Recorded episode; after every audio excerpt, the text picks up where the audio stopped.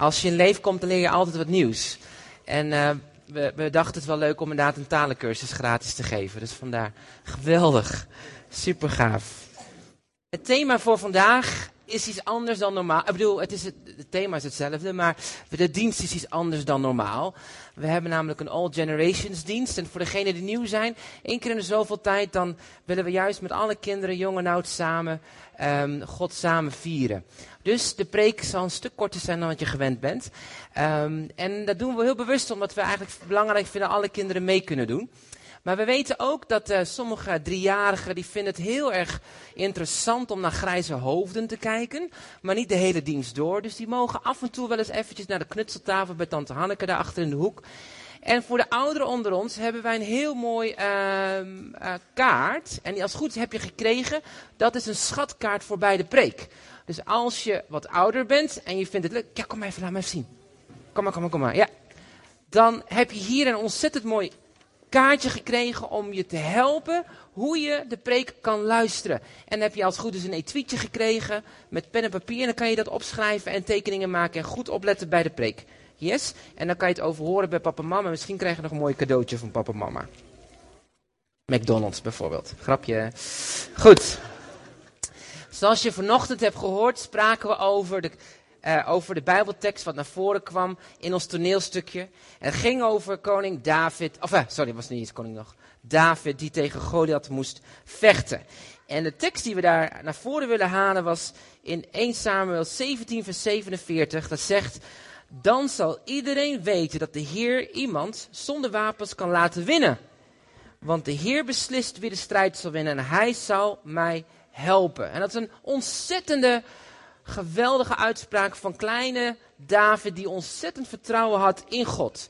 En ons thema vandaag is Gods liefde en kracht door jou en mij heen. God wil zijn liefde en kracht door jou en mij heen laten zien aan de mensen om ons heen.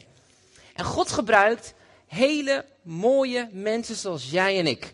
Van oud en jong, van groot en klein. God wil ieder mens gebruiken om zijn kracht en zijn liefde te laten zien aan de mensen om ons heen. En gelukkig hoeven we niet allemaal als David ontzettende grote reuzen te gaan verslaan. Daar hebben we, hè, dat zou wel interessant zijn als je nou met een slingertje rondliep in Zutphen. Maar het hoeft niet. Nee, God wil dat we gewoon beschikbaar zijn om gebruikt te willen worden door Hem. Om mensen te laten zien wie Hij is en zijn liefde door jou heen te laten zien aan een wereld die geen liefde kent. Mensen die diep beseffen hoeveel God van hen houdt, zullen altijd bidden, Heer, gebruik mij. Mensen die echt begrepen hebben hoeveel God van hen houdt. Ik moet even laten zien. David de Goliath. Dankjewel, JDL. Mensen die echt weten hoeveel God van hen houdt, zullen altijd zeggen, Heer, gebruik mij. Gebruik mij. Want als je weet wat de liefde van God voor jou inhoudt, dan wil je dat niet onder stoel of banken houden, maar dan ga je daar iets mee doen. Mensen die dat onder stoelen en banken houden, hebben nog niet in de gaten gehad wat de liefde van Christus inhoudt. Want de Bijbel zegt in Thessalonicense, de liefde van God die drijft ons om niet langer te leven voor jezelf, maar voor Hem. Nou, laatst zag ik in een interview van een mooie meneer, die had een ontzettende goede baan bij... Oh, kijk, kijk mijn, mijn assistent komt allemaal briefjes brengen. Dank je, kerel. Uh, die had een ontzettend mooie baan bij het, uh, bij het Amerikaanse leger. Hij was legerofficier daar, een, een hoge functieofficier. Had op een gegeven moment een politiebaan in zijn uh, stad. En een hele goede carrière. Maar hij besloot zijn baan en zijn zekerheid eigenlijk op te geven. En naar India te gaan verhuizen. Om daar samen met een team van um, broeders als een soort geheime agenten te functioneren uh, in, uh, in de uh, sloppenwijken van Calcutta om daar kindslavernij of kindprostituees te bevrijden uit slavernij, uit de seksslavernij. En deze man die werd geïnterviewd en er werd gevraagd, waarom doe je dit? En met tranen omschreef hij het volgende. Hij zei, ik heb vele angsten en gewelddadige situaties in mijn leven meegemaakt. Maar dat was helemaal niks vergeleken met de angsten die wij als team nu meemaken. als, team, als ons team de huizen binnengaat waar de meisjes gevangen zitten, dan is het alsof de hel over me komt. Alsof hel over je heen drukt. Je vreest voor je eigen leven, voor alles wat je, wat je lief is, maar je kan gewoonweg niet anders. Want dit is toch wat Jezus ook voor mij heeft gedaan. Dan is er dus niks te veel om die meisjes en kinderen te redden uit de handen van deze boze mensen. Wauw. Iemand die begrepen heeft wat de liefde van God met je leven doet. En dat je daardoor zegt, ik kan niet anders dan mijn leven in te zetten voor een ander. God gebruikt mij om uw strijd te strijden. Nou, weet je wat zo mooi is? Mensen denken, ja, maar dat is een volwassene. En dat is allemaal een mooi verhaal, want die man had een hele goede baan, heeft alvast zeker een heel goed pensioen, zie mij.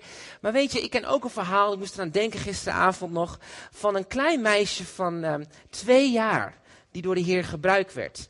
En een klein meisje van twee jaar, ik noem haar naam niet, anders dan weet je precies wie ik bedoel, um, ging met ons mee naar een team in Zuid-Afrika met een zendingsteam. En in dat zendingsteam was er een knappe jonge meid genaamd Alena. En Alena kwam uit Amerika, maar Alena was heel erg verdrietig, heel erg op slot, heel erg gesloten in haar hart. Ze, kon, ze, was, was heel stil, heel introvert zou je zeggen. En uh, het grappige was dat dit kleine meisje van twee jaar besloot elke ochtend naar iemand toe te lopen in het team en daar een huk te geven. En zij had Alena gezien en dacht, weet je wat, elke dag liep zij naar Alena en gaf Alena een knuffeltje en ging ze bij Alena zitten. Over tijd Terwijl ze het kleine meisje van twee jaar elke dag Alena een knuffeltje gaf, begon Alena steeds meer te openen in het team. Ze begon te lachen. Ze begon vrolijker te worden. Ze begon te delen. En later vertelde Alena dat de huk van het kleine meisje was als genezing aan haar hart. Omdat er iemand was die onvoorwaardelijk van haar hield. Wow, een meisje van twee jaar. God gebruikt jong en oud. God wil iedereen gebruiken om zijn liefde en kracht te tonen aan een ander. En wanneer we Gods liefde en compassie in ons hart voelen voor iemand, dan geeft Hij jou en mij de verantwoordelijkheid en een kans om een verschil te maken in een leven van iemand anders. Amen. Dus leer die liefde te herkennen. En leer die liefde te volgen. Negeer het niet, maar reageer erop. En is er iemand die iets nodig heeft wat jij kan brengen, doe dat vooral. En dat kan zelfs zijn in de meest kleine dingen van het leven. Dank je. Nou, hoe kunnen we Gods liefde tonen aan elkaar? Wat kun je dan doen om Gods kracht te tonen? Nou, ik denk dat er drie manieren zijn hoe God ons wil gebruiken. En de eerste is door gebeden. Wanneer we voor elkaar bidden, zegt de Bijbel in Efeze 6, vers 18, dan pleiten we voor God en kan God ook bewegen. Ik moet denken aan Samuel. We hebben de afgelopen anderhalf week ontzettend veel voor Samuel gebeden. Amen. Als gemeente. En nog steeds is hij er niet 100% bovenop, maar we gaan ervoor dat er 100% genezing komt. Maar ik moest ook denken aan een verhaal van een Russische voorganger die ik ontmoette jaren terug. En deze man vertelde dat hij werd opgepakt door de geheime dienst. En hij werd echt weggebracht naar uh, de. Uh, dankjewel. de verzameling wordt steeds groter. Uh, naar de, een gevangenkamp op Siberië. En in de kou werd hij daar gemarteld en hij was gevangen. En op een dag, toen besloten deze mensen, die, die, die, die soldaten, besloten om met min 40 alle ramen van de gevangenis door te slaan. En met het gevolg dat dus de kou van min 40 in de kamer zou trekken. En dat die man eigenlijk zou overlijden. En deze man vertelde dat hij dus daar zat. En hij bad tot God en hij was helemaal zijn geloof bijna tot het punt kwijtgeraakt. En uh, hij bad en hij riep bijna, Heer, laat me maar gaan, laat me maar sterven. Het is oké, het is goed. En in die kou kwam binnen in zijn kamer. En in één keer, plotseling gebeurde dat hij in één keer helemaal warm werd van binnen. En de volgende ochtend kwamen die soldaten binnen in die gevangenis. En wat gebeurde er toen? Die schrokken zich wild. Die dachten, wat gebeurt hier dan? Had er een ijspegel moeten zitten. Maar dan lag, die man die zat daar gewoon, was niks aan de hand. Hij was nog steeds springlevend. Hij had lang dood moeten zijn. Jaren later sprak deze man op een conferentie. En op die conferentie zat een vrouwtje. Dit vrouwtje was een Koreaanse voorbidster. En zij met haar kleine clubje van paar vrouwen, huisvrouwen, baden dan voor mensen. En op een dag had de Heer haar wakker gemaakt om te bidden voor iemand die koud had. Wat doet gebed? Deze vrouw bad voor deze Russische voorganger. En dat was een bijzondere ontmoeting van deze twee mensen bij elkaar. Gebed doet zoveel meer. We kunnen bidden. En de Bijbel zegt: een gebed van de rechtvaardige vermag veel. Amen. Dus laten we dat ook claimen en vasthouden. Het tweede wat we kunnen doen is door onze woorden. We hebben woorden van God gekregen wat scheppingskracht heeft. En de woorden van ons lippen kunnen positieve dingen creëren door elkaar aan te moedigen, te prijzen. Maar we kunnen ook dingen vervloeken. Wanneer we liegen, wanneer we roddelen, wanneer we niet eerlijk zijn, wanneer we negatief praten. De woorden van God zijn er in onze mond gegeven om elkaar op te bouwen. En het derde is dat God ons daden de manier waarop God wil werken is door onze daden heen. En de Bijbel spreekt over niet alleen dat je geweldig zegt, joh broeder ik bid voor je, maar dat je ook daden laat zien aan de ander, dat je door je keuzes en door je handelen de ander ook daadwerkelijk zegent. Dat je ander ondersteunt, dat je trouw blijft aan elkaar, dat je toegewijd blijft aan elkaar. Maar hoe werkt dat nou precies? Ik heb een assistent en die mag even naar me toe komen. Die gaat mij even helpen om het een beetje uit te leggen. Yes. Laat me even liggen. Nou, hebt u misschien ooit wel eens gehoord van iemand die een vat vult? We noemen een vatenvuller of iemand die vaten leegmaakt. Een leegmaker. Uh, ken je dat een beetje? Een vatenvuller en een vatenleegmaker? Heb je er wel eens van gehoord? Moet je maar eens googlen. Daar vind je allerlei maniertjes hoe je een vat kan vullen en een vat kan leegmaken. Maar wij zijn allemaal een soort vatenvuller of een vatenleegmaker. En jouw leven is net als een vat. Dit is Jesse's leven. Dat is een vat. Hou maar eens even vast. Yes. Die dingetjes vasthouden. Ja. Cool. En wij hebben allemaal een keus dat in de manier hoe wij handelen, over iemand spreken of voor iemand bidden, of hoe wij uh, de ander, uh, ja, nou ja, onze daden, dat wij of het vat van haar leven als het ware vullen, of als het ware het vat van haar leven, dat we er iets onttrekken. Dan laat ik het even voor de ouders onder ons even, uh, goed neerzetten. Uh, dan mag je dat uitleggen aan je kind. Um, een vatenvuller is iemand die een positieve storting doet in de emotionele bank van een ander. Heb je hem? en een vatenleegmaker is iemand die iets onttrekt van de ander door een negatieve storting. Snap je hem? Ja? Oké, nou, we gaan het even voordoen. Ieder mens heeft twee keuzes. Of je stort iets positiefs in een ander, of je onttrekt iets negatiefs uit een ander. Nou, we beginnen met iets negatiefs. Nou, laten we beginnen met dit. Stel nou dat ik heel negatief over Jesse praat. Nou, Jesse, je hebt gisteren ontzettend slechte wedstrijd gevoetbald gehad. Dat ging echt, je bent echt een beetje een sukkel. Oeh, wat doe ik dan? Ik stort een negatief briefje in haar vat. Maar wat gebeurt er met dat negatieve briefje? Wat krijg ik terug van jou? Een stukje zelfvertrouwen wat weggaat. Oh, voel je hem? Als we negatieve woorden spreken, dan onttrekken we iets uit een ander. Nou, we gaan even. Dit is erg. Ik ga je straks helemaal bemoedigen. Komt helemaal goed. Stel nou dat ik zeg, nou Jesse komt bij mij en zegt, papa wil je voor mij bidden, want ik heb mijn test morgen. Hij zegt, ja schat, ik ben zo druk. Ik, nee, ga echt niet voor je bidden hoor, bekijk het. Niet bidden is een negatief iets. Poef. Oh, wacht even. Ja, doe die. Moet je even nummer drie doen. Nummer drie. Wat gebeurt er dan? Ik onttrek een beetje veiligheid bij haar. Want is haar nood wel iets waarvoor zij. Ja, dat, heeft zij plek om haar hart te kunnen delen? Is er veiligheid voor haar dat ze iets mag delen bij een ander, dat er iets, een ander voor haar bidt? Niet bidden. Soms zijn we ook een beetje te druk met bidden, hè? Mm. Stel nou dat ik um, Jessie vraagt aan mij, Jess, uh, papa wil je mij helpen met uh, fietsen, mijn, fiets, mijn band even plakken? Maar dan zeg ik, ja is goed, ik doe het zaterdag. En dan is het zaterdag en dan heb ik geen tijd. Dus ik ga niet helpen en ik zeg dan een beetje af, want ja, ik ben ook natuurlijk erg druk vandaag de dag. Als mens zijnde ben je zo druk dat je soms vergeet dat je een ander kan helpen. Erg nog, ja, die ander moet het ook maar begrijpen dat je gewoon druk bent. Want ja, ik heb ook gewoon een heel zwaar leven, toch? Ken je dat? Ik heb een heel zwaar leven. Brigitte Kaandorp, google dat maar eens even. En dan heb je weer een negatief briefje. Wat gebeurt er dan? Ik onttrek bij haar. Ik ben eigenlijk niet zo belangrijk. De waarde van haar leven wordt onttrokken. Steeds een beetje meer. En als je alleen maar negatieve brieven doet, zoals niet luisteren, roddelen, kritisch zijn, noem maar op. Dan onttrek je waarde uit het leven van een ander.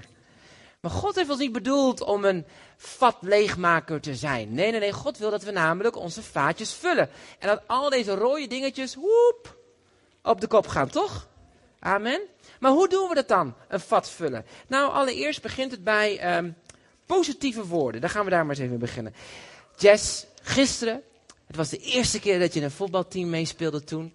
Je ging over de rechterflank. Je bent net, jongen, je ik ben zo trots op je. Je bent geweldig gelieverd. Deed het echt. Dus ik doe een positieve storting op een bank van haar ziel. En wat gebeurt er dan? Joh, er komt waarde. Ik word gezien. Ik ben geliefd. Boom, die gaat er ook bij in. Is dat niet gaaf? Als je een positief woordje ontvangt, wat voel, voel je dan? Blijheid, inderdaad, blijheid. Nou, als ze s ochtends naar me toe komt en zegt: Papa, kan je me helpen met de fiets? En ik maak een afspraak en ik ben er om te helpen. Boom! Ik ga helpen. Wat gebeurt er dan? Word je nog blijer, inderdaad, je wordt nog blijer. Um, stel nou dat ik zeg, joh, ik ben er altijd voor je, wat er ook gebeurt. Boom, wat gebeurt er dan? Dan krijg je veiligheid. Inderdaad, ze voelt zich veilig. En ze is niet meer alleen. Paf. En de laatste twee. Stel nou, ik bid elke dag voor jou en ik zegen jou. Dat God met jou meegaat, dat je hem mag leren kennen. Wat doet dat met jou? Zeg je? Ja, en wat voel je dan van binnen? Als je weet dat God bij je is? Dat je niet alleen bent en je krijgt zelfvertrouwen. En dat is wat we doen wanneer we positieve woorden in een ander investeren. Wanneer we laten zien aan onze daden. Wanneer we voor een ander bidden dat Gods kracht de ander opheft omhoog. Amen? Nou, mijn vraag aan iedereen is vandaag hier. Ben je een leegmaker of ben je een vuller? Ga er eens over nadenken. Ben je een leegmaker of een vuller? Nou, zal ik een geheim geheimpje vertellen aan alle ouders hier in Nederland. De Iraanse mensen kennen dat niet, maar wij Nederlanders zijn nogal kritisch. Let maar eens op het voetbal. Wij weten altijd tien keer beter. Maar ben je dan een leegmaker of ben je dan een vuller? Wat doe je? God wil dat we mensen zegenen, dat we elkaar opbouwen in zijn naam en niet afbreken. En hoe kan jij een emmervuller zijn? Dankjewel, Jess. Ik wil één tekst lezen. En er staat in Hebreeën hoofdstuk 6 vers 10. Er staat, want omdat God rechtvaardig is, zal hij niet vergeten van alle goede dingen die jullie hebben gedaan aan anderen. Want aan alles wat jullie voor de gelovigen hebben gedaan en nog steeds doen, zal hij zien dat jullie van hem houden. Zo, we worden aangevuurd om goed te zijn voor elkaar. Om elkaar op te bouwen. Om elkaar te zegenen. Gods liefde en kracht door jou en mijn leven heen. Leef daarom zo dat degenen die jou kennen, maar God niet kennen, God gaan leren kennen omdat ze jou kennen. God wil dat mensen Hem gaan leren kennen doordat ze jou zien en zeggen, joh, maar wacht even, wat die persoon heeft, dat wil ik ook. Hoe komt hij daaraan? En daardoor gaan ze Christus leren kennen. Amen. Het is niet heel moeilijk wat ik dagen, want mijn tijd is alweer voorbij. Het moet heel snel zijn. Maar wat ik je mee wil geven is dit.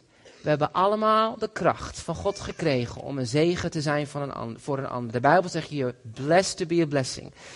Soms denk ik wel een beetje dat we als kerk dat een beetje te veel voor onszelf houden. Maar ik wil je uitdagen, laat de kracht van God door je heen werken. Wanneer je door een moeilijke situatie heen gaat, weet je wat zo mooi is? God gebruikt jouw moeilijke situatie en helpt dat en brengt dat vaak in een in combinatie of in ontmoeting met een ander die ook in een moeilijke situatie zit. Niet om elkaar emotioneel alleen maar tot steun te zijn, maar juist in dat geestelijke aspect. Dat je elkaar kan ondersteunen, dat je voor elkaar, voor, elkaar, voor elkaar kan zijn, dat je voor elkaar kan bidden, dat je ander kan oprichten. Waarom? Want waar twee harten bij elkaar komen, het hart van God, daar is Hij in ons midden. Amen. En dan gebeuren er wonderen en tekenen. Dat is gewoon zo. God wil dat we mensen hun levens gaan vullen. Nou, ik had heel veel groene blaadjes en, rode blaadjes in mijn tas ergens liggen. Ik ben ze een beetje kwijt. En ik zou ze bijna aan iedereen willen uitdelen. Misschien werd je vanochtend wakker en was je een beetje aan het mopperen op je man of je vrouw of je kind. Bij ons werd er wel een beetje gemopperd. Kom, schatjes, nu, opschieten, tempo, tempo, tempo, tempo. Dan ben je eigenlijk aan het onttrekken. En we weten dat voor elk rode briefje die je deponeert, dat je soms wel tien groene briefjes tegenover moet gaan zetten. Laten we leren om positief over elkaar te zijn. Om elkaar te helpen te groeien in de waarde die God voor ons heeft. Want God wil ieder van ons gebruiken voor zijn kracht. Amen. Zullen we gaan staan? Dan gaan we bidden. Ik wil je vragen of je, uh, zover je uh, de persoon naast je kent, of je even de handen vast wil houden. Dat mag. Teken van verbondenheid. Yes. En, dat je, en, en als je de persoon naast je kent, dan vraag gewoon even aan de Heer. gewoon een God vragen. Heer, wat mag ik straks even tegen de ander zeggen wat een positief iets is? Wat, wat ziet u? Wat ik misschien nog niet zie. Hoe kan ik een ander bemoedigen? Hoe kan ik elkaar zegenen? Gaan we gewoon even stil zijn en dan uh, geef ik je een opdrachtje. Eén moment. Laten we stil zijn.